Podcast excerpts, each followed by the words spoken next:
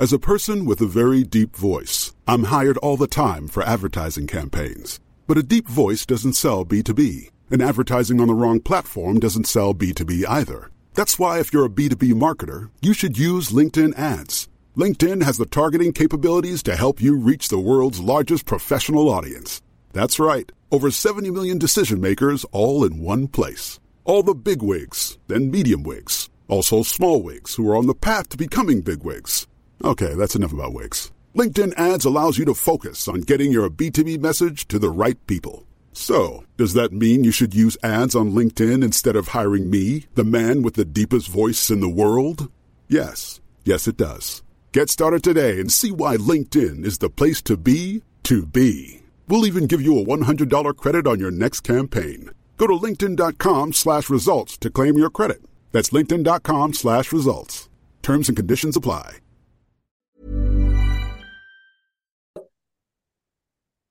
Halo pendengar GGMI Podcast, balik lagi bersama kita berdua. Dan pada episode ini kita mau ngebahas rumor transfer yang sebenarnya dari awal tuh tidak pernah masuk dalam list. Karena kita udah punya dua nama yang cukup prominent dan saling melengkapi sangat baik gitu kan. Di nama Shaw dan juga Taral Malaysia tapi sayangnya dua-duanya sedang menepi. Duluan Malaysia yang kemudian akhirnya diusul dengan uh, Luke yang membuat akhirnya MU harus bergerak mencari sosok pengganti yang bisa head to head sama uh, Diogo Dalot yang akhirnya dimainkan di match day ketiga uh, Liga Inggris kemarin ya melawan dari Nottingham gitu. Dan dua nama ini yang dirumorkan adalah Spinazzola dari AS Roma serta Rico Henry. Nah, mungkin lebih familiar yang pertama ya karena setidak nontonnya kita Liga Italia tapi setidaknya kita bisa Google. Siapa Iya. itu Zola. Tapi Rico Henry nah ini nama yang mungkin bisa dibilang lebih ke wonderkid mungkin ya. Tapi kita coba kita akan lihat. Tapi gimana Vin? Tanggapan terkait dengan Spinazzola dan juga Rico Henry? Ya, untuk Spinazzola sebetulnya em, ya kita emang pasti jarang ya nonton Serie A. Cuma pasti kita nonton Piala Eropa ya 2020 ketika bermainnya di 2021 karena COVID waktu itu. Dan Spinazzola mainnya bagus banget men gitu loh. Bagus banget dia di bek kiri dan ketika gue juga coba lihat em, permainannya ya, coba lihat highlightnya di YouTube, ternyata dia itu kayak Greenwood men. Jadi Eh? dia itu bek kiri, kaki kiri, tapi kaki kanannya bagus oke gitu. Jadi dia tuh kalau dribble, dia tuh sering pakai kaki kanan, seolah dia kayak winger gitu. Nah, sering Hmm. masuk ke dalam. Jadi dia nggak apa ya, nggak statis cuma di kiri doang kemudian mengandalkan crossing. Dia bisa masuk sebagai kayak kayak inside gitu. Kemudian either dia shoot atau dia em, apa crossing ke dalam gitu loh. Gitu. Dan juga sering kali juga dia switch play dari kiri dia langsung umpan ke kanan tapi bukan pakai kaki kiri, pakai kaki kanan men gitu loh. Padahal dia bek kiri. oh kayak Cancelo gitu berarti ya Iya gitu. Cuma kalau Cancelo kan emang dia kakinya kanan kan. Nah oh ini iya gue bilang dia kayak Greenwood karena dia tuh kaki kiri sebenarnya si Spinazzola. Cuma dia eh, ternyata kaki kanannya bagus gitu. Atau atau atau gue salah ya. Makanya gue lagi coba lihat dulu jangan-jangan dia kaki kanan nih.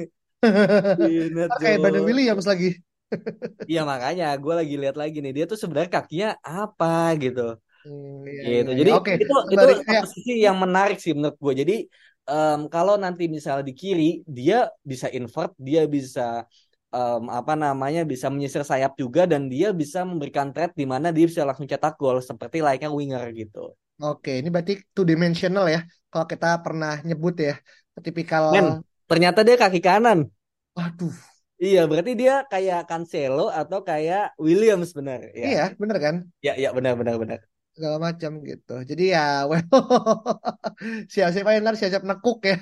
Iya. Dan ternyata men gue buka transfer market, dia bisa bek kanan juga. Ah, ini nih yang akhirnya bisa menjadi apa ya?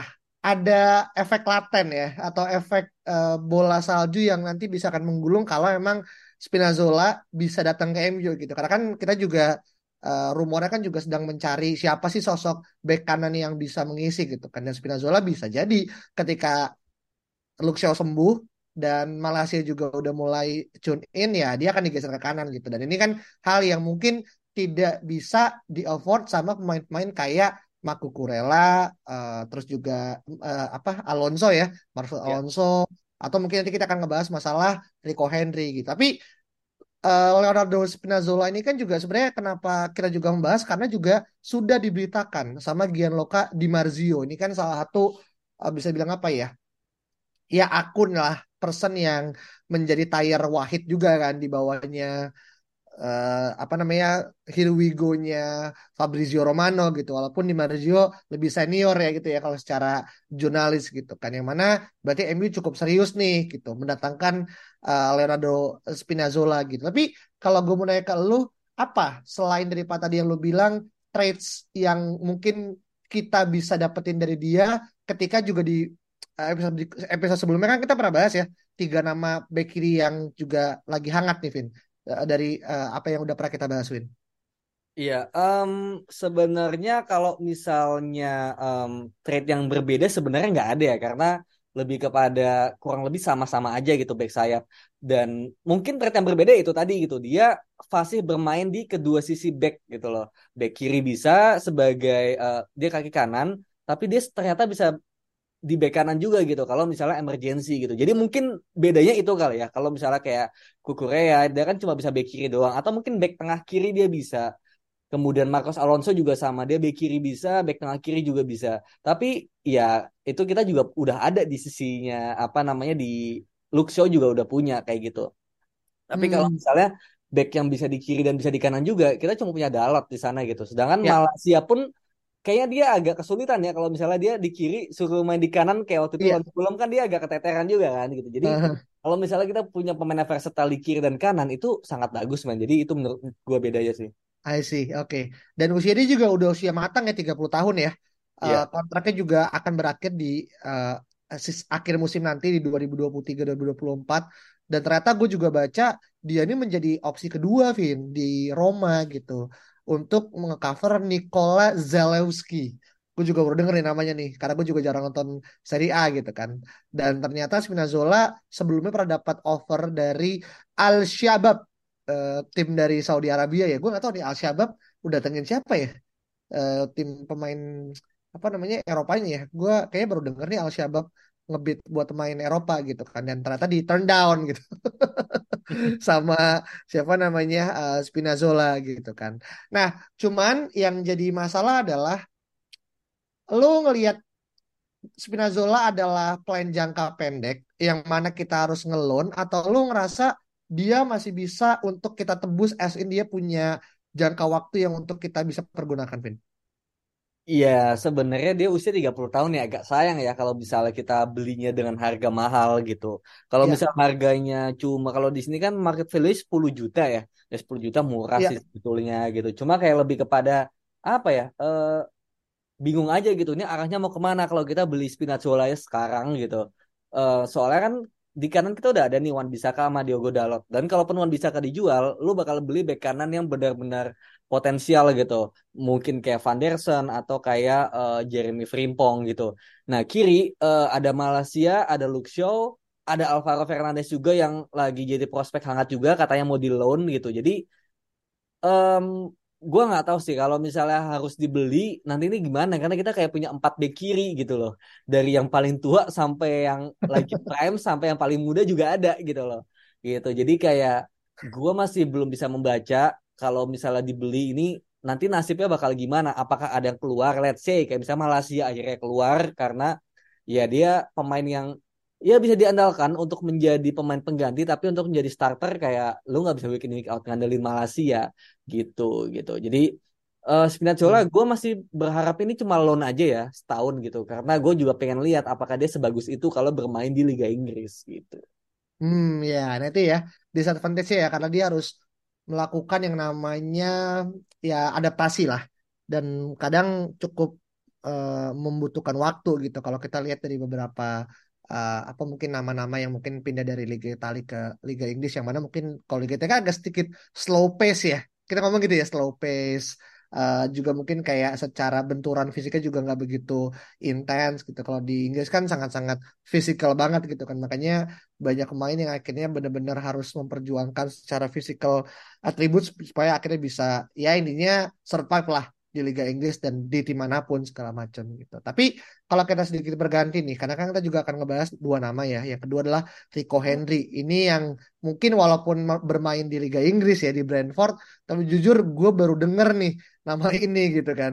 Ya di mana akhirnya ternyata kalau tadi Spinazzola di usia 30 ternyata Rico Henry usianya udah cukup lumayan senior juga Vin di usia 26 tahun gue kira tuh 21 gitu kan yang mana uh, dia tuh join ke Brentford dari tim bernama Walsall. Gue gak tau nih Walsall dari Inggris ataupun dari non Inggris di tahun 2016 berarti dia udah kurang lebih 7 musim ya. Dia yeah. itu bermain bersama Brentford dan di musim lalu dia itu itu uh, hanya tidak main di satu laga Premier League gitu kan. Dan udah main tiga kali di musim ini gitu. Jadi dia tuh sebenarnya first starting eleven gitu di di Brentford gitu. Yang mana buat gue juga agak menarik ya kok kita bisa nggak tahu nih Brentford selain daripada Ivan Toni gitu. Nah lo ngelihat ya adanya Rico Henry gimana nih Vin? Segala macam. Iya iya iya. Ya ini emang sebenarnya rumornya mirip sama Ryan Bertrand ya gitu. Yang apa ya kayak ya entah entah dari mana kabarnya tiba-tiba Rico Henry gitu. Gua nggak bilang Rico Henry ini jelek gitu, cuma lebih kepada gua nggak yakin apakah Brentford mau melepas bek kiri andalannya yang lu juga bilang dia udah bermain dari musim lalu uh, cuma nggak main sekali dan musim ini juga menjadi starting tiba-tiba dilepas ke uh, tim Liga Inggris juga gitu ke MU gitu. Dengan mungkin MU pinginnya mungkin cuma loan doang ya gitu. Tapi kalau dijual sih gue yakin Brentford mau mau aja. Cuma karena nggak butuh duit ya. Jadi mungkin dia bakal minta harga yang nggak nggak murah gitu itu aja sih mungkin concernnya gitu gue masih nggak tahu MU ini mau ngambil back kiri ini dari skema apa gitu apakah dengan pembelian atau dari loan yang mana gue yakinnya sih loan ya gitu. Cuma kalau beli itu maksimal berapa budgetnya gue nggak tahu gitu loh budget emergensinya gitu.